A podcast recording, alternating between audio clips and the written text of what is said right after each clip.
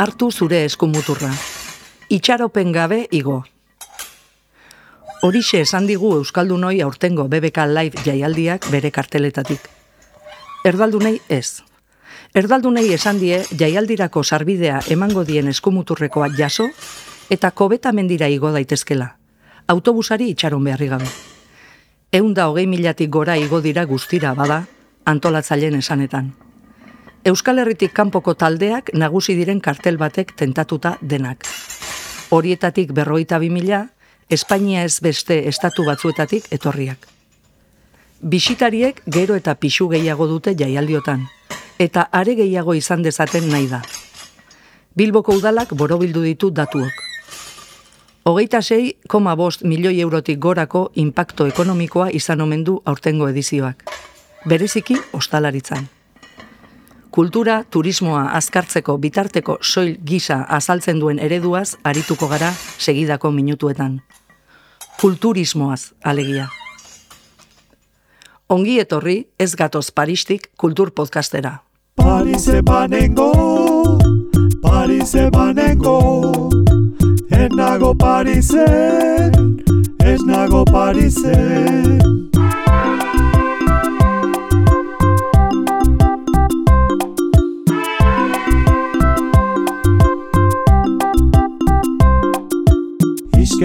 Isketan hasietan, ez nauzuetengo, Isketan hasietan, ez nauzuetengo. Gole,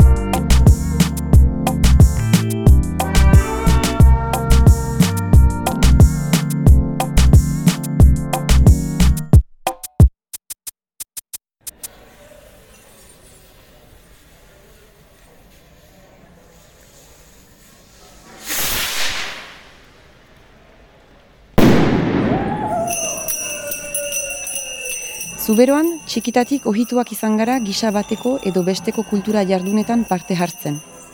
Sentipena dut gainera, gure herrialdean bizitzeak ekartzen duen bakardade sentsazio horretatik salbatu gaituela, gure eskoletan kantuz aritu ahal izateak, gure herrietako dantza taldeetan parte hartzeak, maskaradak barrutik bizi ahal izateak edo pastoral bat edo bi jokatu ahal izateak.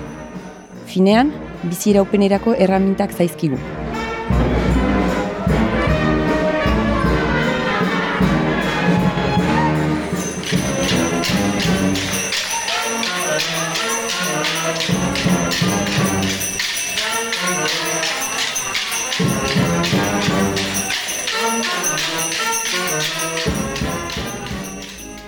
Jardun horiek guztiek ezaugarri eta balore batzuk dakarzkite haien baitan. Hasteko, txikitatik iturri horietako ura edanik, oharkabean, integratuz joan gara jakintza, kriterio, estetika, transmisio molde, harrimantzeko eta lan egiteko moduak. Kantua, dantza, antzerkia edo musika barnebiltzen dituzten festa egiteko tradiziozko moldeek ahalbidetzen digute, desberdinen arteko negoziazioa, elkarrezagutza eta ondorioz komunitatearen trinkotzea. Posible egiten dute belaunaldi ezberdinen arteko igurtzia eta helburu komun bat aurrera ateratzeko elkarlana. Bide beretik, errazten dute arizaleak jende aurrean plaza hartu eta bere burua defini dezan. Norberaren kapazitatearen arabera, nork bere tokia aurki dezan eta beste kapazitate batzuk esploratzeko xantza dasta dezan.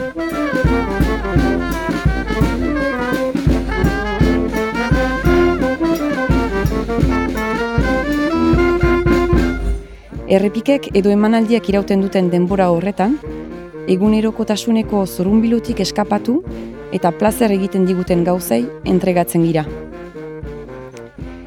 Ezaugarri eta balore horiek definitu eta baldintzatu dute nire kulturari zale eta eragile ibilbidea.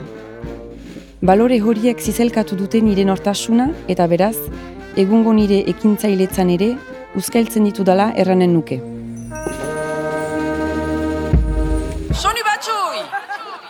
Kaletarrak, aitzina, bietan!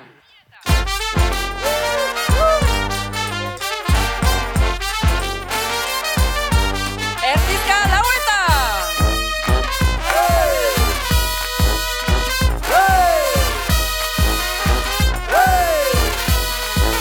Pika! Ebatz luze! Kultura ulertzeko modu hau oposizioan ikusten dut erantzunkizun osoa alor bakoitzeko erreferente bakan batzuen eskuetan uzten duenarekin. Dantza talde, bertsolari famatu, kantari profesional edo antzerki konpainien lanak kontsumitzen ditugu, distraitu gehitzaten. Beste aberastasun bat du niretako, guk geuk distraitzea gure burua. Kultura parte hartze aktiboak, kultura egiteak eta ez bakarrik kontsumitzeak, arestiko balore horiek sustatzen ditu. Aktivismoa, pasibitatearen aitzinean. Norbanako eta gure komunitateko partaide gisa, asegarriagoa zait sare komunitarioak ehuntzen laguntzen duen kultura jarduna, artista bakana goratu eta helburu ekonomiko eta turistikoak sustatzen dituenak baina.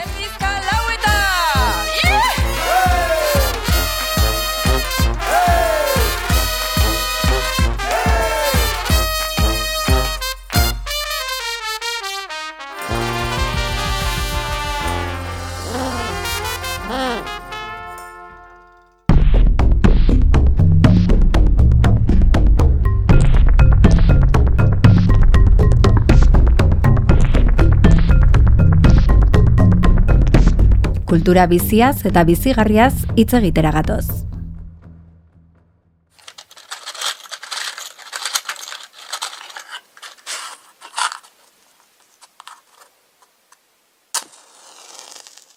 Kulturismoa.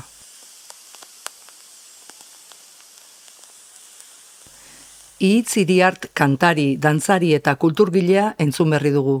Barrena pizten dion pospoloa azalduz. Hartzaile pasibo beharrean, herritarra ekintzaile aktibo duen kulturdinamika. Giarre sozial hori lantzea maite du. Iruñeko iruinkokoan mamitu du, auzolanean. Piroteknia pixka bat orain, Bilboko aste nagusiaren organo ezinbestekoenetik. Areatzako konpartxagunearen bihotzetik. Sufestak. Alaxe titulatu du Jon Urtzelaik musika jaialdiek azken mende erdian Euskal Herrian izan duten bilakaerari buruzko bere saiakera. Zerk piztu zion metxa? Gero eta hasiagoa dagoen eredu kulturista auzitan jartzeko pultsuaren eskasak. Makro jaialdiek gorpuzten duten kultur eredua, aringarri baino, kultur sistemaren ezurdurari eransten zaion zama gisa ikusten duelako, hitz iriartek bezalaxe. munduko talderik onena ikusi segun non eta segun nola edo ez horren talde gustukoa, baina zuk zeuk antolatu duzunean edo e, komunitate baten parte senditzen zarenean eta bar, esperientzia era bat bestelakoa da. Esperientzia hori ezin da, ez da salerosten. Esperientzia hori harremanen bidez e, eraikitzen da eta kultura hala eraikiko da, kultura ditu al baldin bazaio. Bestea askoz ere zeagoa da, ez? E, azalekoagoa eta dena da ez du balio, e, komunitateare ahultzen du, ez da sortzen komunitaterik, ez du, sort, ez du ezer uzten. Paradigma aldaketa bat uzten du, batez ere. Kultura galtzen du egunerokotasunean izan dezakeen papera. Soilik da konsumitzeko ba, gune artifizial bat eraikitzen dena eta gero deusestatzen dena eta gainera gero ezin dezakena ere aberastasunik utzi inguruan ze soilik e, ba, hori, enpresa pribatu konkretu batzuen esku dago nolabaiteko ekimen kultural horiek eh, antolatzea. Last Tour da enpresa horietako bat. Bilbon dago erroldatuta promotore hori, eta atzerrian dituen proiektu ez gain, Euskal Herriko bi hiriburutan udako musika jaialdi erraldoi bana antolatzen ditu. Azken arrok gazteizen eta BBK Live Bilbon. Aurten arte, Donostia Festivala ere antolatu izan du. Udazkenean berriz, bime jaialdia egingo du, Bilbon, eta Santas Paskuas Iruñean, abenduan. Halako ekitaldien inguruko balantze ofizialen ohiko seriotasun eza azpimarratu du urtzelaik. Aurtengo BBK Live alde horretatik ez da salbuespena izan. Azteko, eh, esaten da adibidez BBK Life, egun da hogei mila eh, zale egon direla, eta hori, bakigu ez dela. Hori da, esatea egunero berrogei mila pertsona egon direla, baina berrogei mila pertsona diferente egon direla. Eta hori, bakigu ez dela egia. Eta ala ere, ala, ala esaten da, ez? Hori azteko. Eta gero egiten dian impacto kontu horiek eta horiek ere mm, besterik gabe da autojustifikazio kontu bat, hori ez dakit nola neurtzen den, botatzen dira alako zera, ez, emaki handiak, ba, pixkat hori justifikatzeko, baina denok dakigu nola ez direla oso serioak, ez?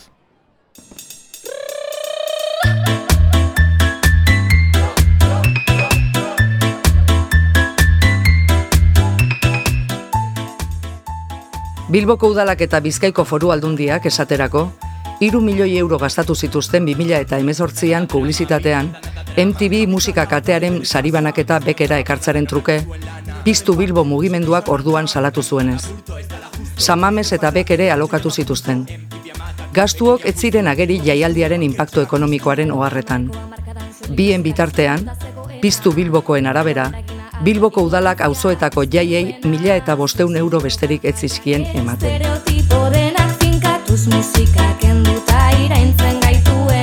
Pelotazo kulturalen roionek guztiak dauzkan ondorioak baita ere iria, baita ere hiritarretan, ez ez soilik kultural batetik baizik eta iria beraren nola ari den eraldatzen. Ozen hortaz hitz egitea, dena lotura horiek ezartzera eta, ez? Urtzelaik pelotazo deitu duen prozesu eraldatzaile hori ongarritzeko lehen urratsa Guggenheim museoa izan zen, Ula irureta goiena arkitektu bilbotarraren esanetan.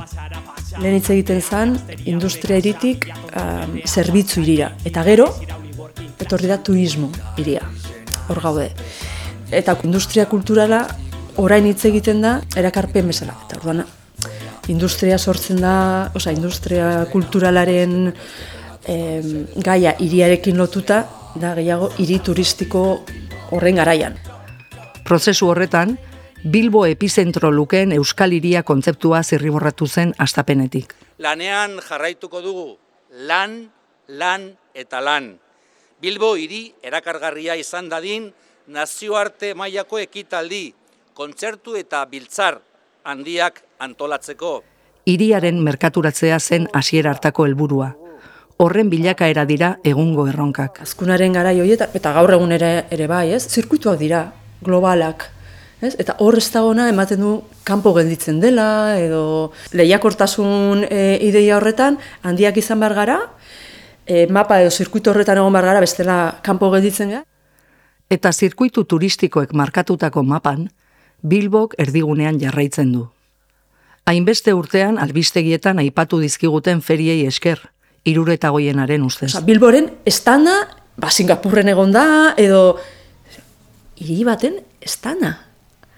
Ezta? E, bueno, ba, turismoaren, ka, ni, nik ez dakit hori nola mugitzen dan, ez? Baina, baina orain ikusten duzunean, edo ba- garai batean donostian, ba, errusiar asko, edo bat batean etortze dira amerikano asko. Ba, hor- ematen du, hor nun baiten, ez, horrelako estan batean etortze zaizula, ez dakit nor, ez, egiten duzula horrelako zera bat, eta, bueno, eta hemen zerak, zertarako joango naiz, ba, ez?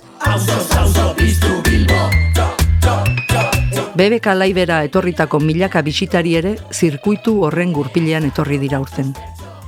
Ez da fenomeno meteorologiko bat izan, bilatutako bisita jasa baizik. Jon Urtzelaik idatzi utzi du bere liburuan horren adibide bat. Hainbat urtetan, jaialdirako sarrerak merkeago saldu izan dira Britainia handian Euskal Herrian bertan baino. Izpide dugun kulturismoaren helburua ez da 0 kilometroa. Eta eredua edatze prozesuan dago. Herrian e, egitasmoarekin uste azke- argi geratu dela, ez? E, Lasturrek aurten egin ditu bi edizio, Mungian eta Lekeition, eta joan da Mungiara eta Lekeitiora, antolatu du bere festivala, hartu du herriko, hartu ditu herriko hiru toki, jarri ditu bere barrak, bere eskenatokiak, eraman ditu ez soilik, baina bere taldeak, eta, eta bueno, herriak dira, ba, ez dakit, e, atretzoa eta bertakoak figuranteak eta aradoa enpresa bere, bere showa egitea, ez? Eta bertako agenteek eta ez daukate zer esanik.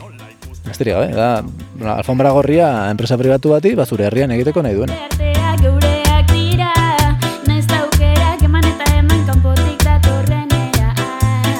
Maxifikazio. Gaur egun, iragazten dutenak bitartekari dira. Musikariak direla hori sostengatzen dutenak, gutxeren urrengo dira, ez? Eta musika festivalen e, kontu honetan, norbait aberaztuko baldin bada, izango da kartelburu ikaragarri ezaguna den hori, ere, Los Pavos, eta está. Eta está.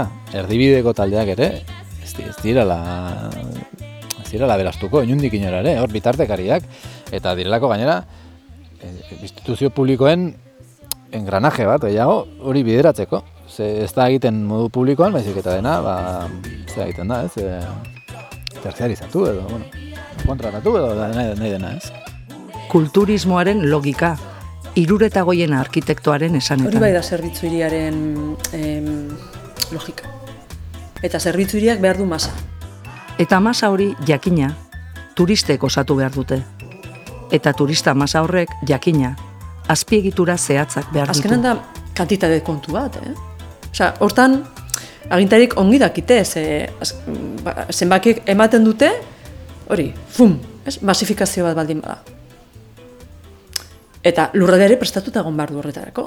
Horregin dira inbertzio oso handiak, um, azpiegitura oso handiak. Eta hor badago, bueno, ez, lurralde apustu bat.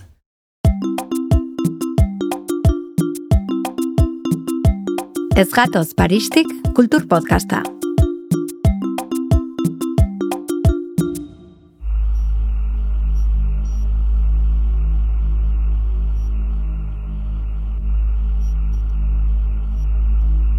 Nun gelditzen da, eta nun gelditzen da komunidade, bertako komunidadea, ostras, imaginatu. Guzti hori, ez, maneiatu behar baldin bada, e, horretarako, ba, klaro, ba, hori, ondakintxoak, eta, eta dirutan ikusten da super argi.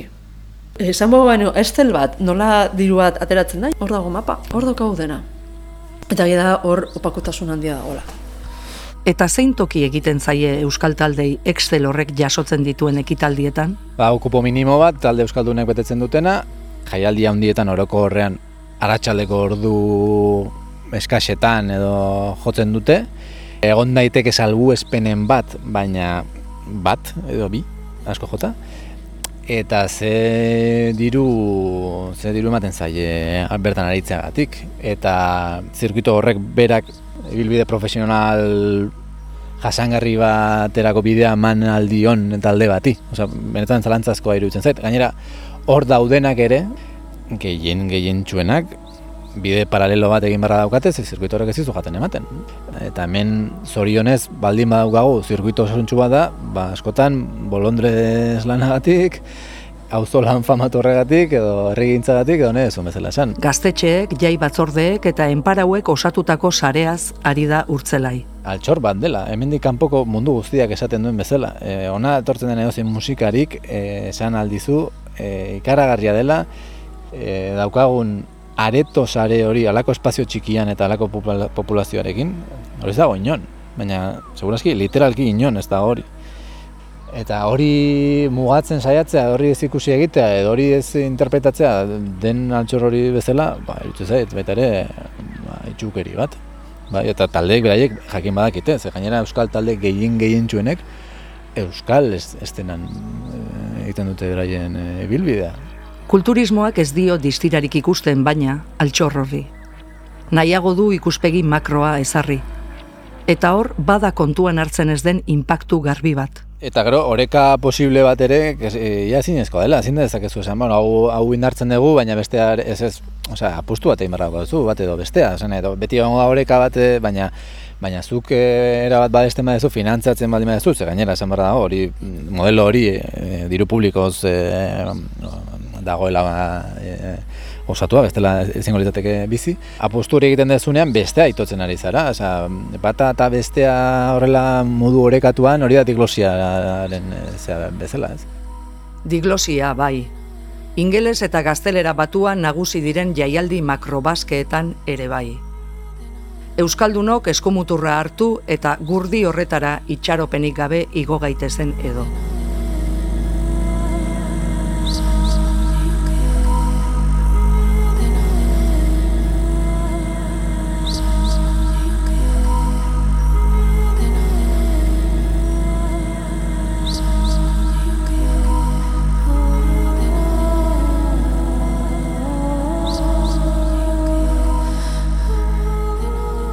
Bada mundurik kulturismoa zaratago ere, baina? Gure kasuan, fe, e, festivalaren kasuan, ahun desberdina da, uh, Deia helburuak ez dira bat ere berdinak, gure helburu helburuetan da bai euskal kultura plazaraztea eta uh, hemengo artistek, euskal herriko artistek leku baten eskaintzea.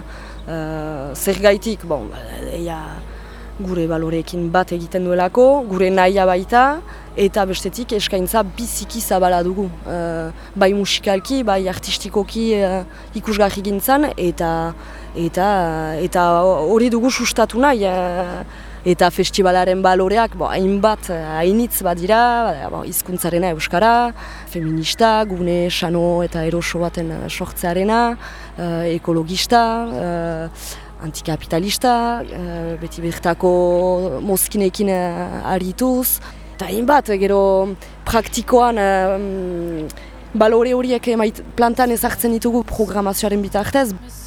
Joana Barbier ari da izketan orain. EHZ festivaleko langilea eta antolakuntza taldeko kidea da. Ondoan dauka Aitor Serbier. Antolakuntza taldekoa hori ere. Kulturismoaren antipodetan kokatzen dute jaialdi hori. Uste dut gure eredua laburtu badaiteke, ba, parte hartze eredu bat dela, hainitzetan e, kultur kudatzaile batzuek e, itzuri besterik ez darabilte hautan, baina praktikan jartzeko zeltasun nabarmenak dituzte, eta uste dut guk gure sumetasunetik e, hori praktikan jartzen dugula azken hori eta zazpi urtetan eta horretan jarritzeko asmoa dugu. Ez ditu makrofestivalen baliabide berak, baina EHZ ez dago esku utxik. Eta uste dut gure eredua e, sustengatzen dela, egundak laguntzailek egiten duten lan militantean, hainitzetan e, aipatzen den kontua da ez, e, e, kulturan mundu guztiak kobratzen duela sortzaileak izan ezik, eta uste dut EHZ-etan kontrako eredua dela, hainitzek ez dute kobratzen, eta sortzaileak, e, sortzaileak bai kobratzen du ez da, Eunka laguntzailerekin osatutako sare horrek, etorkizunari indartsu ekiteko adina gihar eskaintzen du. EHZ-etari iso biziki baiko naiz, EHZ uarte bat da, panorama, panorama horretan. Gaur egun erronka berriak ditugu, elduden urterako kokaleku berri bat izanen du gure proiektuak, eskualde berri batera joko dugu printzipioz, eta ez dut zalantzari gure proiektua erabat bideragarria dela eta etorkizuna ziurtatua duela e, aurten e, azterketak bukatu eta bere ala egunero EHZ-etako muntaketa lanetan murgildua ginelarik amasei, amazazpi, mezortzi urteko irurogei, iruitamar gazte genituen gurekin e, lanean ez eta ez hori hori ikusita nola ez dugu ba lasai lasai lo eginen ez da. Loa galdu gabe bada ere, ari dira etorkizunera begirako lanean ere. Ba du bi urte entzatzen girela edo urte bat beste gazteria baten unkitzera. Hots ez bakarrik uh, saskatik pasa diren gazte horiek, baina uh, iparaldean ditugun gazte gazteak eta uh, liceo eta ikastetxe pasatzen gira, ikastetxe lebidinuetatik. Uh, saio ludiko informal bat zuen ematera Euskal Kulturaren inguruan, joko bat zuen bitartez, eta uh, festivalaren aurkezpen batekin. Beste publiko bat unkitzen dugu, aekarekin ere egin dugu lan bat, berdin berformatuan, eta nik uste bizki garrantzitsua da, ze alde batetik, bon, gu publiko horren ganagoaz, mm, publiko horren behar baitugu, eta gure ganatu nahi baitugu, baina nik uste ere haientzat, ekarpen bat da ikustea ere ez dela festivala ez dela etxia.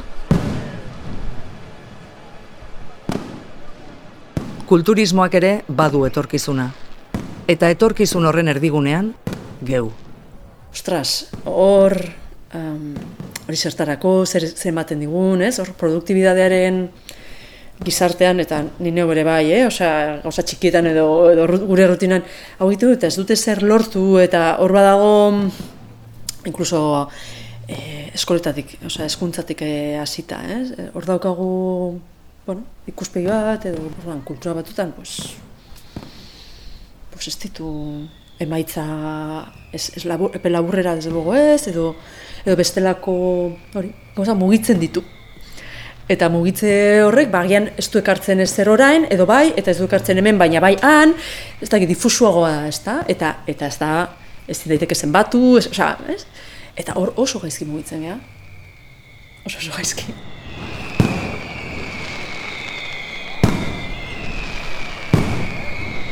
Era bat barneratu daukagulako, zera neoliberal hori, ez? E, zene, erostearena, individuarena, komunitateen e, hauste hori, eta hori oso oso oso barneratu daukagu, eta gomatetik bestela ez da eraizten, ez? Baina hori, hori bada garaien, garaien isla bada.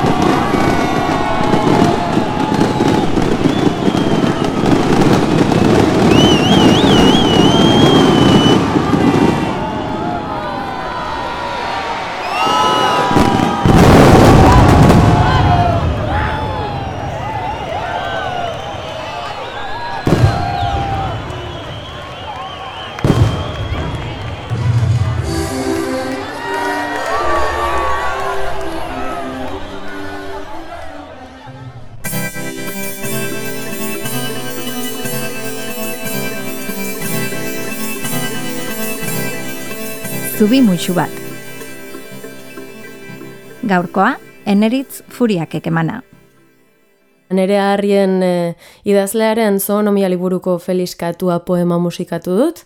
Eta poema hori hautatzeko arrazoietako bat nola ez, ba, izan da, ba, nere haren idazkera maite dudala, baina baita ere iruditzen zaidala e, liburu horretan zoonomian e, nereak erakusten duela gaitasuna, ba, unibertso bat bera e, sortzeko liburu baten barruan, e, musikari batzuok esaten dugu batzuetan ez dela gauza bera kantu solteekin osatzea disko bat edo disko batekin unibertso bakar bat sortzea ez? Eta eta ustut bigarren hori egiten duela liburu honetan nereak E, eta argi naukan liburu honetako poemaren bat musikatu nahi nuela. E, baina nire buruari jarri nion e, baldintza bakarra izan zen eneritz mesez etzazu hautatu Felix katua poema. E, nire inguruan e, badakite katuak maite ditu dela eta gizakiok e, katuarekin sortu ditugun iruditeriak eta bar, eta orduan oinarrizko egia edo, edo aurre ikusgarri egia iruditzen zitzaidan eta, eta nire burua baldintzatu nuen. Eta saiatu nintzen, e, kantua hasten liburuko beste poemaren batekin, eta azkenan hartu nintzen ba, trampa egiten ari nintzela, ze iruditzen zait, e, agian ez dela liburu horren poemarik e, erakusgarriena, edo dena delako, ah, baina bai agian simpleenetako bat eta eta musikalenetako bat. Eta orduan, ba, bueno, nola baita esan nire buruari eneritz e, utikan egoa, hartu zazu Felix Katua poema eta musikatu ezazu.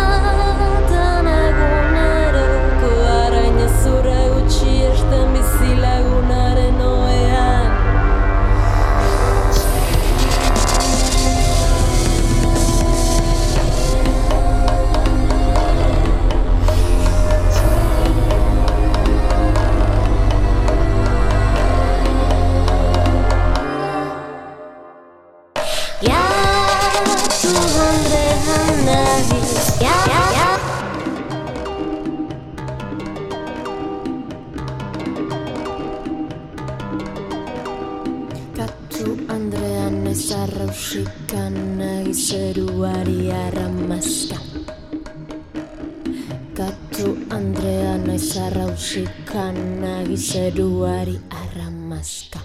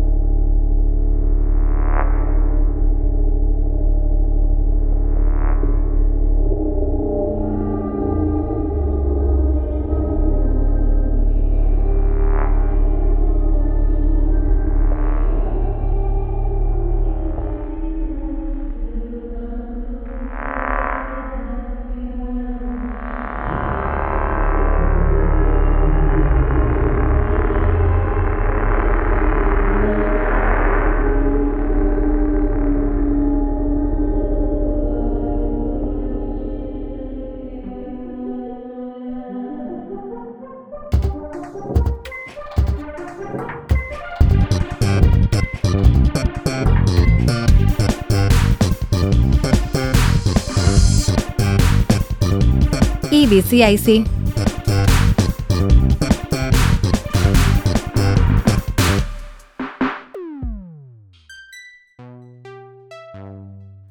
benetako gertaeretan oinarritua.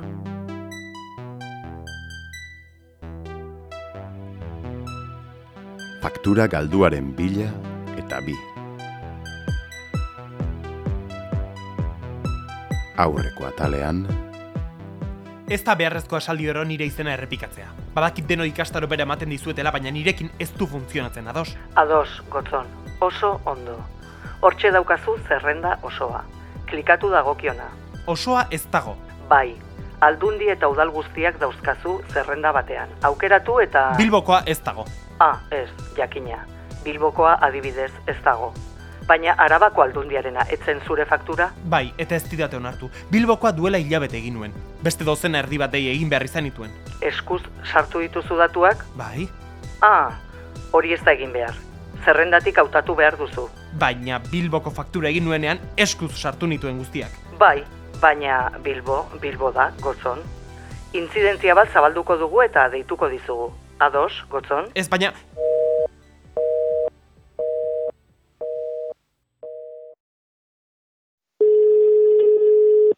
Bai? Kaixo, inzidentzia bat izan duzula esan didate. Bai, e-faktura bat osatu dut. Jaulki ere bai, baina ez didate bidaltzen utzi. Zirriborrotan daukazu dela bidelietan.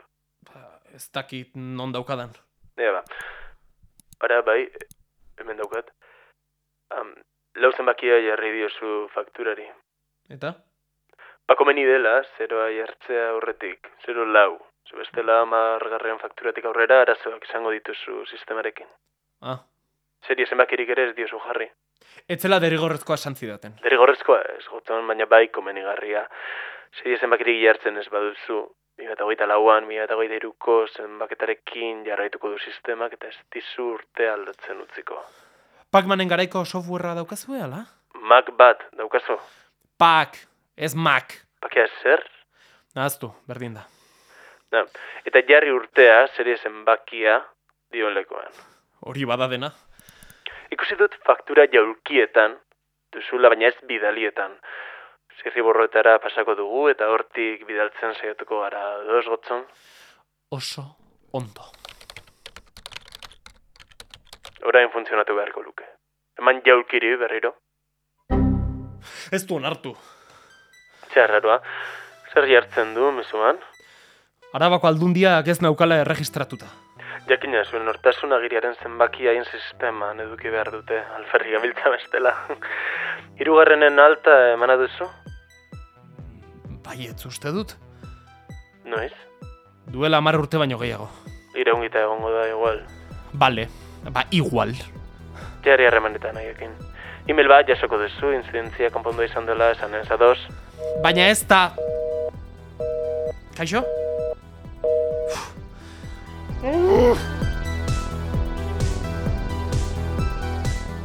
Bai, hori da. Hirugarrenen alta eta nortasun agiriaren fotokopia behar ditugu. Ez zenuen fakturak egiteko argibiden PDF irakurri. Naizu, nik lan hau aspaldi egin nuen eta astebete daramat bueltaka. Ulertuko duzun bezala, egun da hogeita bi euro eta berrogeita mar sentimo ziztrin kobratzeko ezin dut egun osoa PDF-ak irakurtzen ibili. E, nik lan... PDF horretan zehaztua dago dena.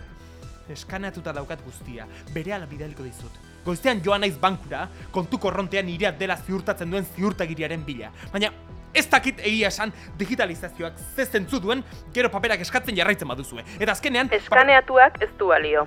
Postaz bidali. Postaz? Formatu fisikoan. Baina orain ematen badizut nire nan zenbakia agian aurrera genezake lana naiz eta gero Postaz nire... bidali nana. Postaz nana? Zertifikatuta OB. Merkete aldera, ezta? Barkatu? Barkatu? Hortz daude? Gotzon? Email bai jasoko duzu intzidentzia konpondua izan dela esanez. Ados gotzon?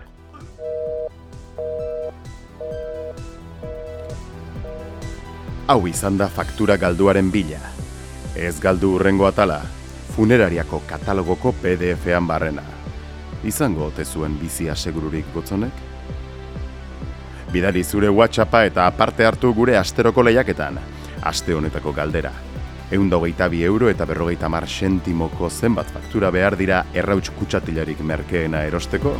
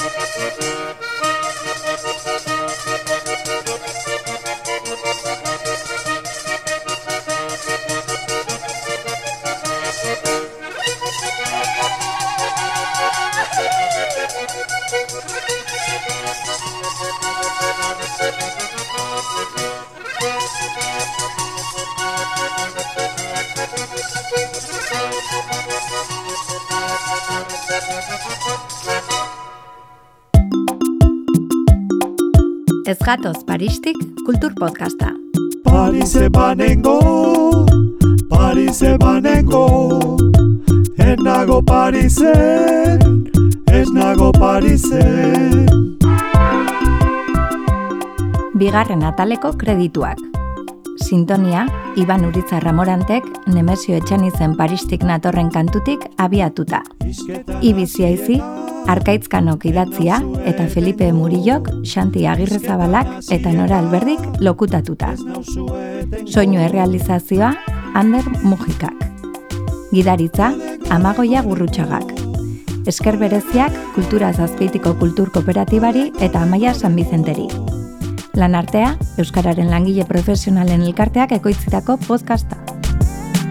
Zergatik ez dut behar egiten dutik Korri zanik Abere atxadatorren ingurutik Baina benetan dio Ez gatoz paristik Ez gatoz paristik Ez gatoz, ez gatoz paristik Ez gatoz, ez gatoz paristik Ez gatoz paristik